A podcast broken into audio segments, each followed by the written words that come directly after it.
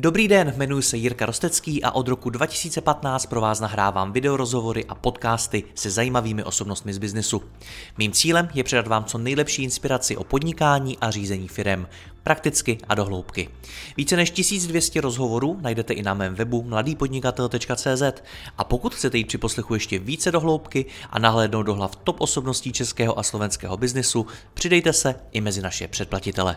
Nemohl bych to dělat bez partnerů, jako je ShopTet, který poskytuje nejpoužívanější e-shopové řešení v Česku. Stačí kliknout a začít prodávat. www.shoptet.cz Děkuji vám za poslech a teď už další rozhovor.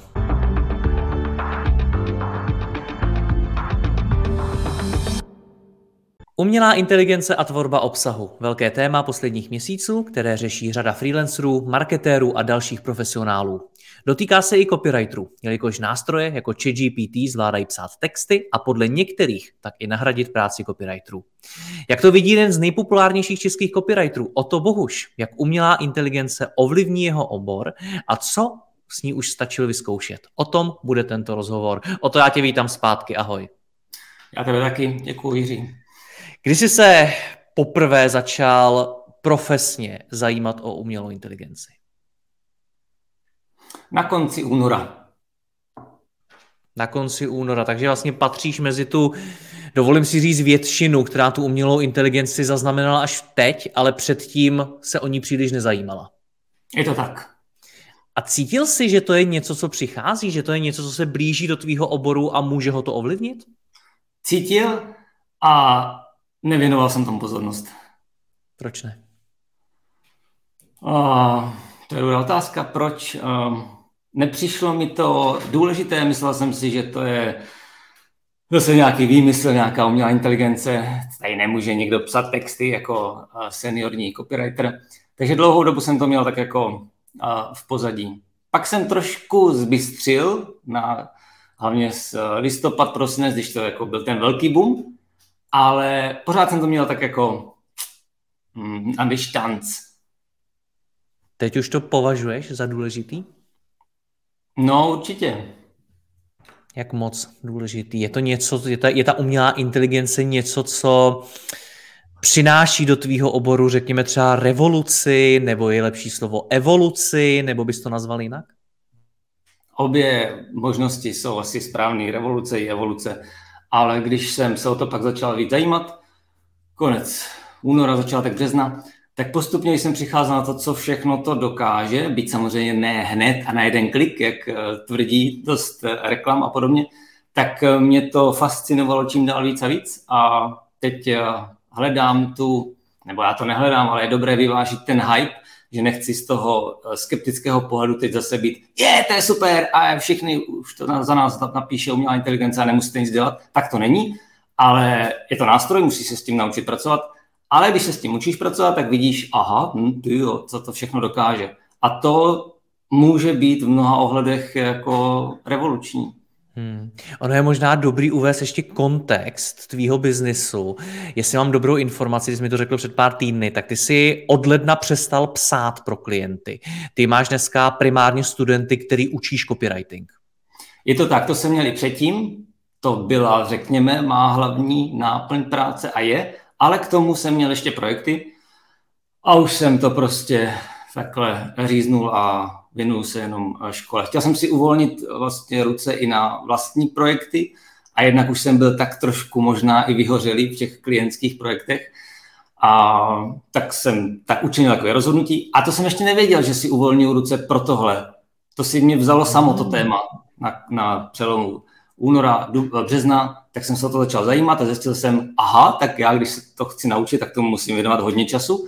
A to nejde tady šolíchat po večerech, nebo jde, ale tak jako, když tomu věnuješ 10 minut denně, jednou za dva, tři dny, tak něco se naučíš, ale hrozně málo. Takže já jsem měl čas se do toho jako ponořit a věnovat se tomu víc. Takže tohle je teď můj projekt. A projekty, které jsem si myslel, že budu mít, tak uh, ty jsou na vedlejší koleji.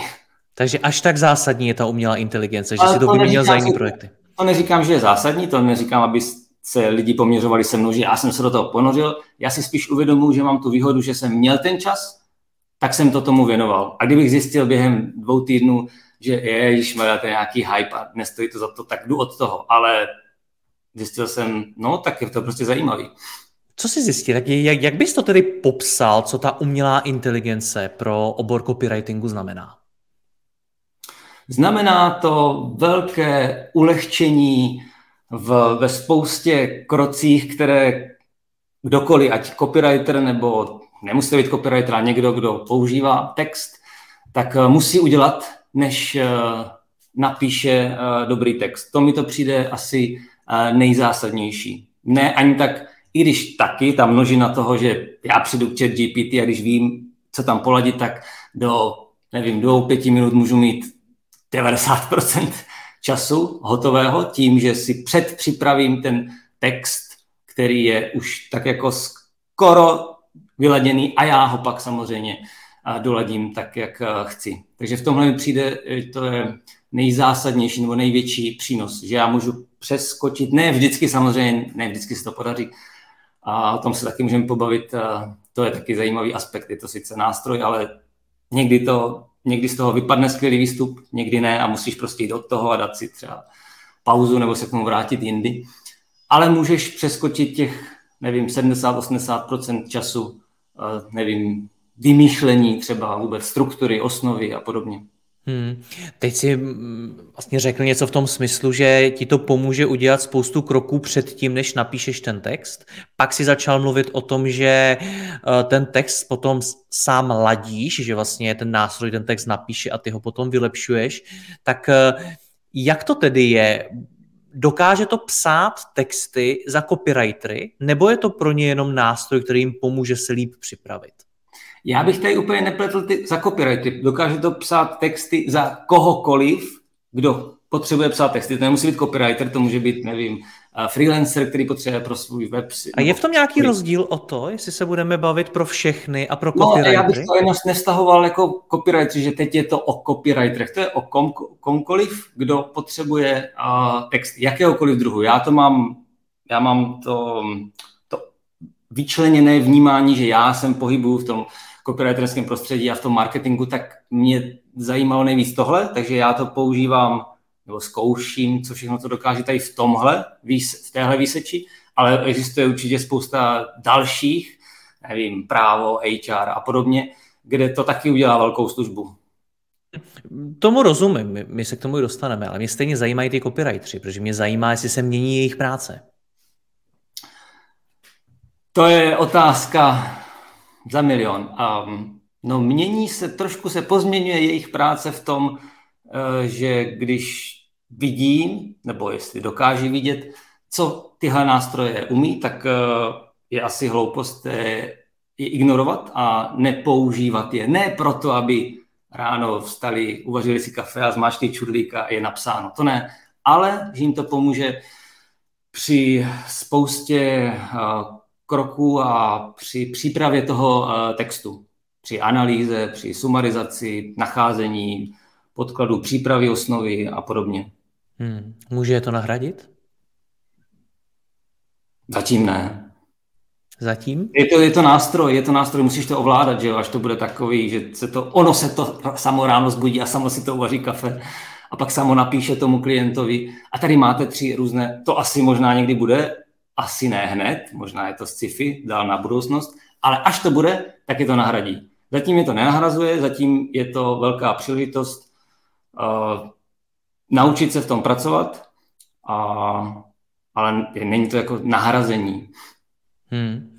Tak stejně ale, mění se tedy nějakým způsobem práce těch copywriterů? To, jak oni skutečně zpracovávají ten text? Ty chceš po mně obecnou odpověď, ale ta se asi mění taky podle toho, co ten tak já tak se zeptám konkrétně. Přijdu za tebou a chci, aby si mi pomohl třeba, nevím, dám příklad, aby si pro mě napsal nějaký dobrý článek. A teď mě zajímá, jestli teď s těmito nástroji by tvoje práce jakožto zkušeného copywritera vypadala jinak, než třeba před, nevím, dvěma lety. Zatím nemusí, podle mě protože já pracuji možná trošku jiným stylem, ne, nemám, já pracuji spíš tak jako Uh, že to prostě rozeberu do hloubky, ať chceš po mně jedno písmeno, nebo 20 slov, nebo 500, 500, 500 slov, nebo to je, to, je, to je jedno. Znamená, mohl bych to i nepoužít a přesto ti dodat skvělý výsledek, ale možná by mi to trvalo třeba uh, delší dobu. Ale copywriteri, kteří obsluhují uh, klienty, mají třeba víc klientů, 10, 20 a, a mají takový jako a tady článek a tohle a tohle dodat a metadata a podobně, tak tam jim to může usnadit uh, už teď jako moře času, si myslím. Já takový přístup nemám, teď už nemám žádný, protože jsem zrušil to klientské psaní, ale bude tam určitě taková jako dlouhá, nebo dlouhá, nemusí být dlouhá, ale setrvačnost, že to není tak, že když to teď nepoužíváš, tak už seš mimo hru. To ne. Mm-hmm. Ale můžeš začít být za chvíli. Já jsem se setkal s těmi názory, že takový ti já nevím, jestli je nazývat copywritery, ale takový ti freelanceri, co třeba píší ty levné texty, nějaký články někomu na blog a podobně, že to je přesně to, co to nahradí. Tyhle ty nízkonákladové zakázky. Je to, je to pravda? Vnímáš tam tedy nějaký rozdíl? Protože když se podívám na tebe jako copywritera, tak na tom trhu vidím i spoustu samozřejmě dalších lidí na různých úrovních, kteří píšou texty na zakázku tak vnímá, že někoho to může třeba ovlivnit víc, někoho jiného míň? Tohle jsem slyšel samozřejmě už stokrát a sám to tak trošku vlastně přibírám, protože to je takové nabízící se moudro, kterému tak přitakáš, ale to ukáže realita. Já nevím. Já, já tady je totiž taková pointa, která je možná málo zmiňovaná. Vždycky bude existovat velké procento lidí, klientů, kteří prostě nemají vůbec šajnu, jak se tvoří text a nebudou se učit s GPT a, a podobně. Takže stejně půjdou za někým, kdo jim to dokáže napsat být třeba levně a ne v nějaké exkluzivní kvalitě. A, a ti lidé stejně můží, můžou uh, využít tady právě tyhle nástroje chat GPT. Takže nějaké jako velké nahrazení úplně já to nevidím. Byť se to tak jako nabízí, ale vždycky tady bude velké procento lidí, kteří, jako, co jim řekneš, tak si to napište sami v GPT. A oni, co? Ne, já to chci tady od vás. Hmm. A vnímáš už na straně klientů nějakou změnu, že třeba vidíš firmy, které si to chtějí víc zpracovávat sami přes GPT nebo něco takového? Na to já nejsem ten pravý. Teď já nemám vlastně teď klienty, takže nemám úplně... Jako Když nějaký... se baví se svými studenty, kteří předpokládám, že v tom copywritingu se pohybují, tak bavíte se o tom, co se na tom trhu děje? To jo, ale eh, studenti tvoří, copywriteri tvoří malou část mých studentů. Myslím ti čistokrevní copywriteri. To jsou většinou majitele menších firm, marketingoví manažeři, občas i lidi z korporátů podobně. Takže mám nějakou zpětnou vazbu, ale spíš je to taková pořád dojezd té první vlny jako vzájemného seznamování se. Že by to nějaká firma už kompletně, úplně jako a teď už pojedeme. To je tady hrozně krátce na to, aby to už někdo detailně zaimplementoval do svého biznesu. Jsou asi osvícenější firmy, které do toho možná šlapou víc. Třeba Česká spořitelna, že? Asi si taky zachytil. Hmm. A v tomhle měl jsem studentku z Airbank, v tom mě překvapila Airbank, že uh, když se čekal, že ta do toho bude šlapat víc, že má takovou pověst moderní, banky, tak tam to třeba ještě neřeší. Info z, nevím, května, teď, teď už je to možná jinak, že jo? Teď už je červen, což jeden měsíc teď znamená jeden rok, co všechno se stane. Takže je to spíš, já to vnímám jako takový oťukávání. Možná jsou i nějaké extrémně osvícené firmy, které už v tom jedou úplně, ale asi jich bude málo. Hmm. A úplně stejná otázka mezi ostatními copywritery, pokud se s nimi bavíš nebo po tom trhu, jak oni k tomu přistupují? Jakou tam vnímáš náladu vztah? To nevím, protože já moc eh, s, se s copywritery nebavím. Ne, že bych nechtěl, ale prostě nejsem úplně v činný tady v tomhle eh, oboru, že bych jako nasával inspiraci od ostatních copywriterů. Takže nevím, to je otázka na někoho eh, jiného, nemůžu říct. Ale abych jsem odpověděl, Teď teda nevím, nedíval jsem se poslední měsíc po nějakých eh, blozích a tak, ale cítil jsem takové ticho po pěšině začátkem roku, ty první měsíce, kdy jenom, myslím, eh, Pavel Šenkapou napsal na listopadu, no v prosinci takový nějaký vizionářský text, jak to teda bude, ale přišlo mi, že pak nikdo se k tomu nějak moc oficiálně nevyjadřuje, že všichni tak jako možná pod tajmu zkouší, co to vlastně udělá. Tak já to tak vnímám možná velmi subjektivně a nepravdivě, že teď možná dojíždí to první období, kdy každý si tam jako po večerech něco šolíchal a zkoušel, aby věděl, tak jak ho to teda moc ovlivní, jak to zapracovat do toho a, a podobně. A já jsem vlastně rád, že jsem to nemusel hned nějak eh, aplikovat rychle na, na nějakou svou práci, že jsem měl ten čas a ten velkorysý prostor se jako do toho ponořit a zjistit, aha, tak na tohle to je super, na tohle možná a na tohle tady jsou třeba ještě nějaké větší limity. Hmm. Zajímá mě ještě jedna strana a to je zahraničí. Sleduješ ho, jak, jak třeba v rámci copywritingu se umělý inteligenci mluví, mluví v zahraničí? Tak přímo copywriterskou scénu v zahraničí nesleduju, spíš mám uh, zprávy jako obecně o té vlně uh, uh, umělé inteligence v rámci jako biznisu obecně, marketingu, ale i jiných oblastí a tam je to samozřejmě prostě velký jako zájem, velká vlna Hmm. Jak ty sám ve své práci používáš umělou inteligenci? Já sám používám umělou inteligenci především, takže jsem se rozhodl a se to prostě do toho ponořit a věnovat se tomu. To znamená poslední, nevím, tři, čtyři roky, už měsíce, prostě zkouším, testuju, co všechno to dokáže a neovlivňuje to výsledky mé práce pro klienty, protože je prostě nemám, ale spíš to ovlivňuje třeba, že jsem udělal ten eh, AI Lab seminář, že jsem chtěl jako zprostředkovat, hele, tohle jsem se naučil, chcete znát nějaké základy, tak tady vám, nevím, ve třech, ve čtyřech hodinách uh, řeknu, na co jsem uh, přišel. Takže je to taková jako, já sám se, se to chtěl naučit a když jsem na něco přišel, tak jsem to chtěl i předat dál. V tomhle vnímám teď svou nějakou jako roli, která mi vyhovuje a, a chci, chci teď v ní eh, pokračovat. A ten AI Lab seminář, ten je třeba jenom první krok. Mám v plánu nějaké jako hmm. další návaznější věci. A nějak aktivně ty sám ty nástroje používáš, a teď nemyslím pro klienty, ale i pro tvůj biznis, pro tvoji práci. Nebo třeba pro tvoje studenty. Jasně, rozumím. Eh, je to, je to na úrovni zkoušení třeba v, nemyslím úplně čistě pro výsledný text psaní, i když tam taky, ale tam většinou neskouším si to na svých projektech, ale třeba projektech eh, lidí, kteří mi přijdou na ten seminář, takže tam na jejich biznisech jim přímo ukazuju, hele, tak takhle můžete docílit toho těch 90% ušetřeného uh, času. Tak to se, to se, to se děje. Hmm. Jak píše ChatGPT? Ještě jednou, pardon? Jak píše ChatGPT? Chat GPT píše přesně tak, jak mu řekneš, aby, aby psal. Takže kdyby si tu, to samé zadání dal svým studentům a zadal si úplně to samé do ChatGPT, tak to bude jaký? Bude to stejný ten text té umělé inteligence se mezi nimi ztratí, nebo bude vynikat, nebo jaký bude? To hrozně záleží na tom, jak, jak si ho povodíš, co tam dáš za příkaz a za následné, za následné příkazy. A dá se z něj vygenerovat opravdu dobrý text? Dá se z něj vygenerovat velmi, velmi dobrý text na to, aby ty ho už jen zkontroloval a případně doupravil pro ty, pro ty potřeby svoje. To se dá. Dokážeš popsat, co to znamená to doupravil? Jako chybí mu, řekněme třeba faktické informace, které tam ty musíš dopsat, nebo je to o něčem jiným?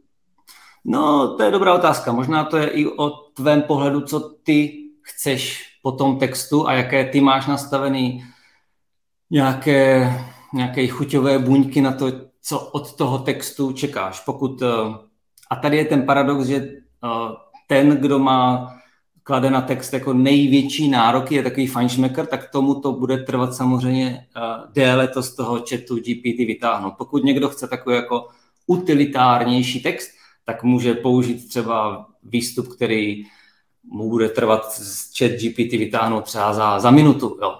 A pak už bude pro něj ok a použije ho. Já takový přístup nemám, ale pokud někdo má, tak pro něj je to úplně jako použitelný. Ty jsi mi řekl pokud, vrát... mhm.